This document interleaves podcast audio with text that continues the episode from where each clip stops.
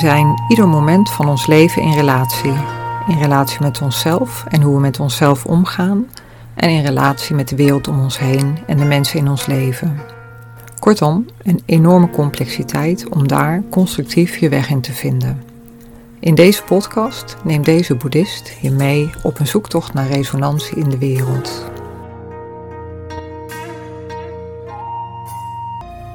Hallo, ik ben Maartje van Hoofd. Deze podcast gaat over emoties. En emoties zijn de jus van het leven, zou je kunnen zeggen, maar ook de angel. Emoties maken dat alles kleur krijgt en je ook jezelf levend of levendig voelt. Maar je kan er juist ook heel erg in vastlopen. En emoties kunnen ook een bron zijn van lijden en van stress en ongenoegen.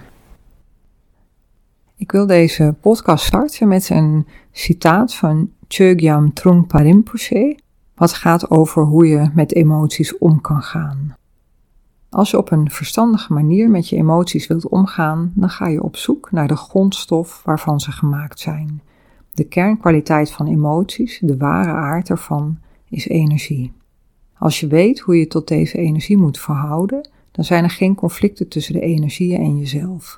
Dan worden ze een natuurlijk proces. Emoties zijn energie. Dat hoor je ook in de quote van Chogyam Trungpa Rinpoche. En je kan het ook voelen, want als je emotioneel geraakt wordt, dan gebeurt er direct iets in je systeem. In wetenschappelijke taal wordt er gezegd dat emoties voorbewuste actieprogramma's zijn. Dus emoties zijn er ook voor bedoeld om je in beweging te zetten of om een bepaald gedrag uit te lokken. En emoties helpen je om te laveren door het leven. Dus situaties die gevaarlijk zijn, krijg je een reactie op. Situaties die aantrekkelijk zijn, daar krijg je een reactie op. En in ons systeem wordt energie gemobiliseerd. Het interessante bij emoties is dat het eerste wat er gebeurt als er een emotie getriggerd wordt, is dat er een soort vast reactierepertoire afgespeeld wordt in je lichaam. Bijvoorbeeld als je iets gebeurt wat je eigenlijk een beetje gênant vindt, dan ga je eerst blozen en dan pas merk je dat je je eigenlijk heel ongemakkelijk voelt. Dus de reactie gaat echt via ja, eigenlijk het voorbewuste patroon. En dan word je bewust van wat er met je gebeurt. En dan herken je ook de emotie die je ervaart. Nou, er worden bepaalde reacties afgespeeld in je lijf. Ook organen reageren. Bijvoorbeeld uh, op het moment dat je verdrietig bent, uh, gaan meteen je longen meedoen. Gaat je adempatroon veranderen. Op het moment dat je je angstig voelt, wordt er heel veel adrenaline gemobiliseerd. En gaat je systeem heel erg in een soort staat van alertheid. En als je boos bent, wordt natuurlijk ook heel veel energie vrijgemaakt. Dat is eigenlijk meer een vechtreactie. En dat merk je ook dat je heel erg veel energie in je lijf hebt, dat je heel geladen bent. Nou, naast deze meer fysieke reactie gebeurt er ook iets met ons denken. Dus ook ons denkbrein, zou je kunnen zeggen, wordt gekleurd door de emoties. Of je zou ook kunnen zeggen, wordt aangetast door de emoties. Want op het moment dat je sterke emoties ervaart, dan kan je eigenlijk niet meer rustig nadenken, maar worden je gedachten enorm gekleurd door de emotie die je voelt.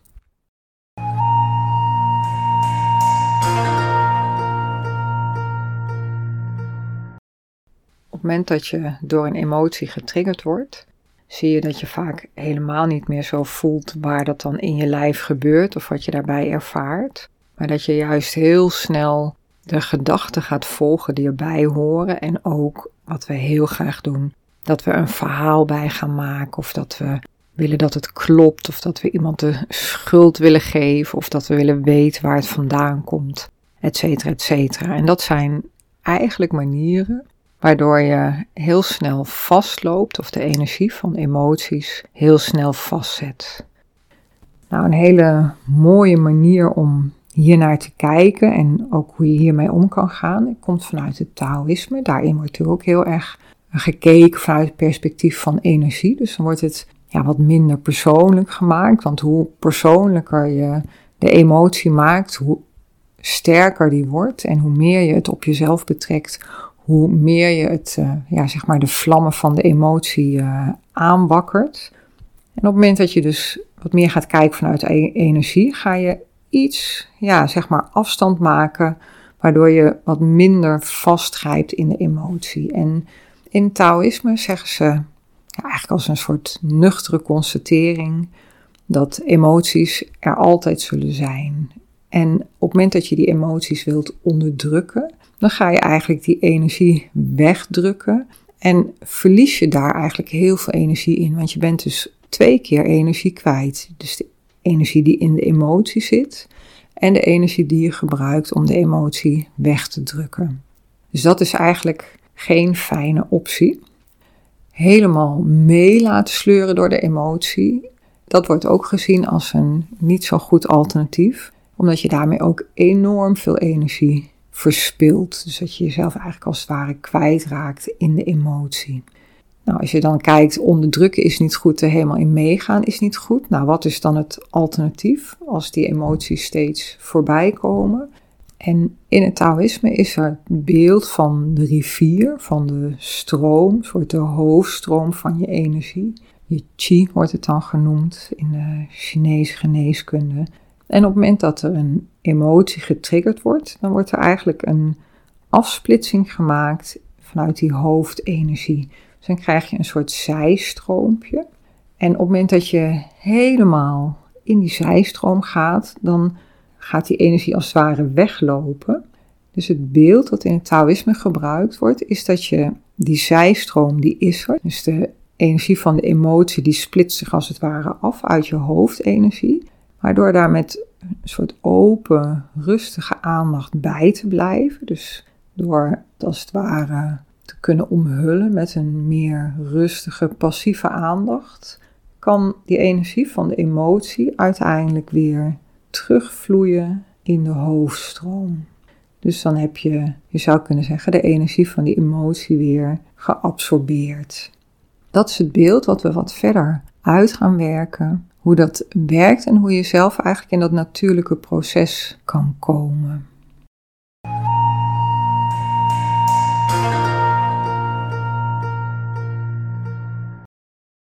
De zen-beoefenaar Paul Lomans beschrijft in zijn boek Goed Gevoel uitgebreid hoe je kan omgaan met emoties. En in het benoemen van de verschillende emoties begint hij met een hele verrassende emotie die vaak ja, als het ware van de radar verdwijnt. En hij noemt dat de zee van rust en vertrouwen. Dus als we het over emoties hebben, hebben we het vaak over ja, zeg maar emoties die duidelijk aanwezig zijn, energie die daarbij mee gemobiliseerd wordt of dingen die in je aandacht springen. Maar juist onder al deze meer zichtbare emoties ligt eigenlijk de rust en het kunnen verstillen. En hij noemt dat de zee van rust en vertrouwen. Nou, om goed om te kunnen gaan met emoties, kan het heel erg helpen om deze zee van rust en vertrouwen te versterken door onder andere dit gevoel, dit gevoel van rust of ja, ook een soort vredigheid of ontspanning in jezelf, om dit gevoel ook echt te waarderen. Heel vaak in ons dagelijks leven lopen we daaraan voorbij, op weg naar een volgend ding wat we moeten doen, of een volgende onderwerp wat we van ons lijstje af moeten vinken, of andere dingen waar we onze aandacht aan geven. Waardoor juist deze momenten van rust te waarderen en ook bewust in ons op te nemen, versterk je als het ware een soort openheid om ook op het moment dat er wel hevigere emoties zijn, om daar ook met een bepaalde rust mee om te gaan. Meditatie, waarbij je ook deze rust zoekt, kan ook helpen om dat gevoel, deze zee van rust en vertrouwen te versterken.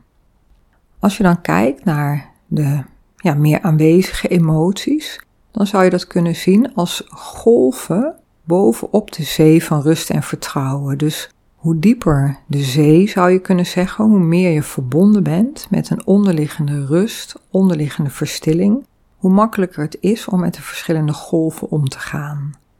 Vanuit de positieve psychologie worden ook handvaten gegeven hoe je constructief met emoties om kan gaan. En bijzonder is dat er eigenlijk steeds twee elementen in voorkomen die heel belangrijk zijn.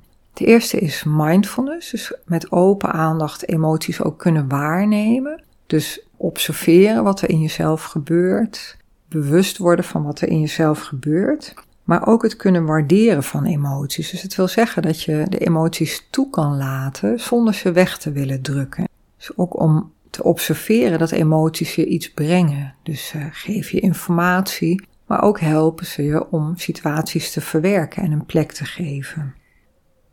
Nou, als je naar een specifieke emotie kijkt of een specifiek gevoel wat getriggerd wordt, dan zou je ook, ja, als je kijkt naar het verloop van emoties, zou je een emotie ook kunnen zien als een golf, een golf van energie. Dus de emotie komt op en dan op een gegeven moment komt hij op zijn top en dan vloeit de emotie weer weg of dan ebt de emotie weer weg. En dat gebeurt eigenlijk altijd, dat is het natuurlijke verloop van emoties. Behalve dan als we deze emotie vast gaan zetten. En er zijn verschillende manieren om emoties vast te zetten, onder andere door met emoties op de loop te gaan vanuit je gedachten. Of door in je lichaam ook een bepaalde energie vast te zetten.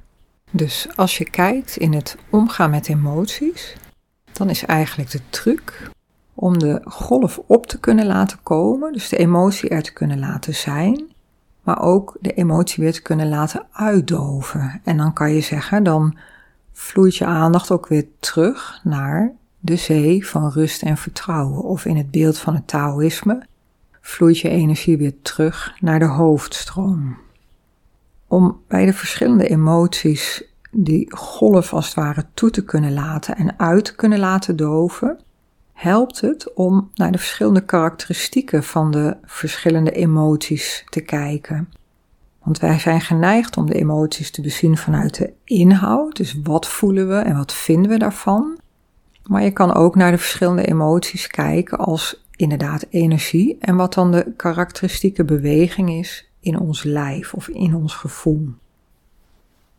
Als je je voorstelt dat je boos bent, dan kan je ook misschien terughalen het gevoel dat je een soort ja, stevige energie ervaart die ook omhoog vloeit als een krachtige golf van energie. Terwijl je bij angst misschien veel meer je maag voelt samenknijpen als een soort versmalling, terwijl je ook met je aandacht wat meer omhoog gaat in je lichaam.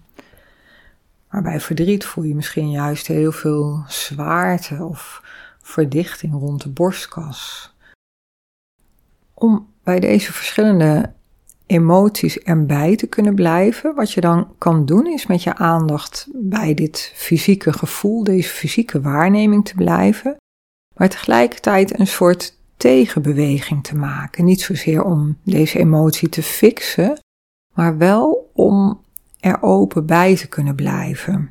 Dus als je bijvoorbeeld kijkt naar verdriet, als je verdriet ervaart. Ik heb zelf ook gevoeld in de afgelopen periode bij het verliezen van een goede vriendin van mij. Als ik dan rustig ging zitten, merkte ik echt zoveel zwaarte en dichtheid op mijn borst. Als ik daar mijn aandacht naartoe bracht, dan werd ik eigenlijk nog verder naar die zwaarte getrokken en kon ik er als het ware niet meer uitkomen, werd ik daarin opgesloten. Terwijl als ik met mijn aandacht veel meer een soort open ruimte om mezelf waarnam en eigenlijk meer vanuit die open aandacht erbij bleef, kon het verdriet er veel meer zijn en kon ik vanuit een bepaalde openheid het verdriet te dragen. Maar je kan je ook voorstellen dat als je boos bent, dat het je kan helpen om je aandacht juist lager in je lichaam te brengen en misschien de energie die je voelt niet als het ware te gebruiken om verder in die boosheid te gaan, maar de energie te gebruiken om een stuk te gaan wandelen. En dan even niet met je gedachten op hol te gaan, maar in het lopen de energie van de boosheid als het ware af te laten vloeien.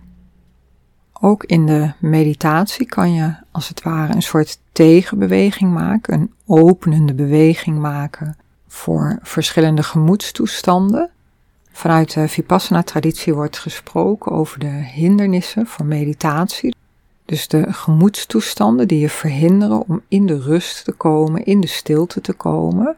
En je kan met deze hindernissen omgaan niet door ze weg te willen fixen, zou je kunnen zeggen, maar door een openende beweging te maken, een tegengestelde beweging, waardoor je beter bij deze gemoedstoestanden of gevoelens of emoties kan zijn, waardoor ze weer uit kunnen doven.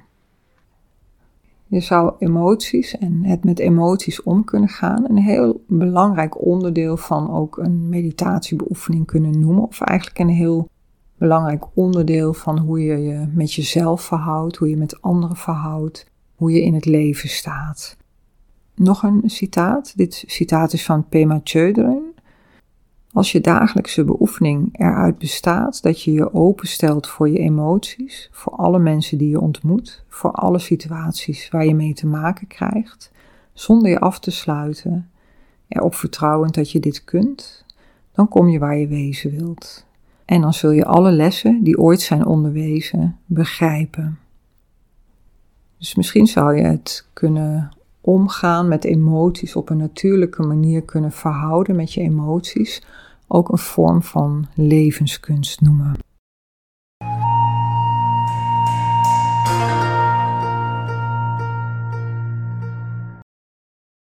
Als praktische oefening heb ik een stukje meditatie ingesproken, of je zou kunnen zeggen een opzet naar meditatie, waarin een aantal van de hindernissen, zoals die benoemd worden in de Vipassana meditatie, besproken worden, waar je daar je aandacht op kan richten en als het ware vanuit een soort open aandacht daarbij kan zijn.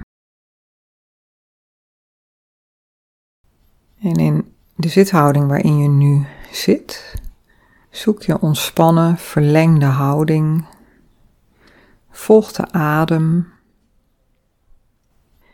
En je gaat met je aandacht zo door het lichaam. Je dwarrelt, zou je als het ware kunnen zeggen, door het lichaam. En je voelt de gevoelskleur, gevoelsbeweging, mentale beweging. En je voelt of er onrust is als je zo zit. Bezorgdheid kan je niet kalmeren. Als je onrustig wordt door ongeduld, probeer het moment te waarderen. Misschien kan je op zoek gaan naar een plek in jezelf waar je de meeste ontspanning of de meeste rust kan vinden. En probeer daarmee in contact te blijven. Of als je merkt dat onrust en zorgen blijven, onderzoek dan waar ze vandaan komen. Kan je deze spanning voor dit moment loslaten of vraagt de onrust directe praktische actie.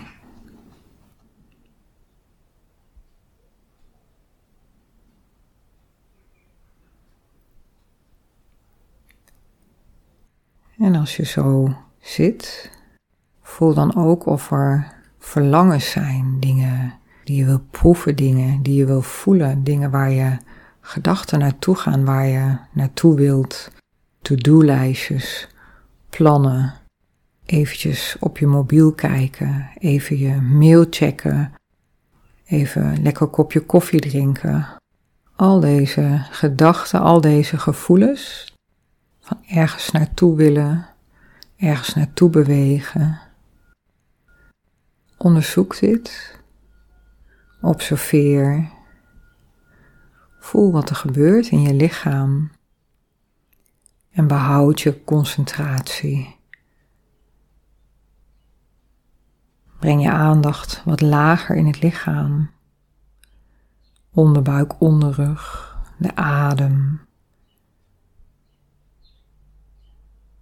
En voel of je binnen die stroom van verlangens, gedachten, plannen je concentratie vast kan houden.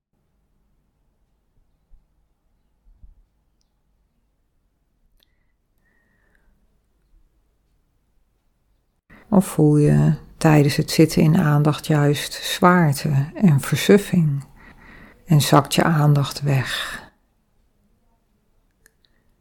Als je voelt dat je niet kan blijven zitten, kom in beweging, verfris jezelf. Koud water over je handen of over je gezicht. Maar ook als dit vaker voorkomt, kan je onderzoeken of je steeds wegzakt als je bij een bepaalde stilte komt of als je bij bepaalde gevoelens komt? Verdwijn je dan als het ware? Hoe werkt deze versuffing bij jou? Kan je dat onderzoeken als je zo zit?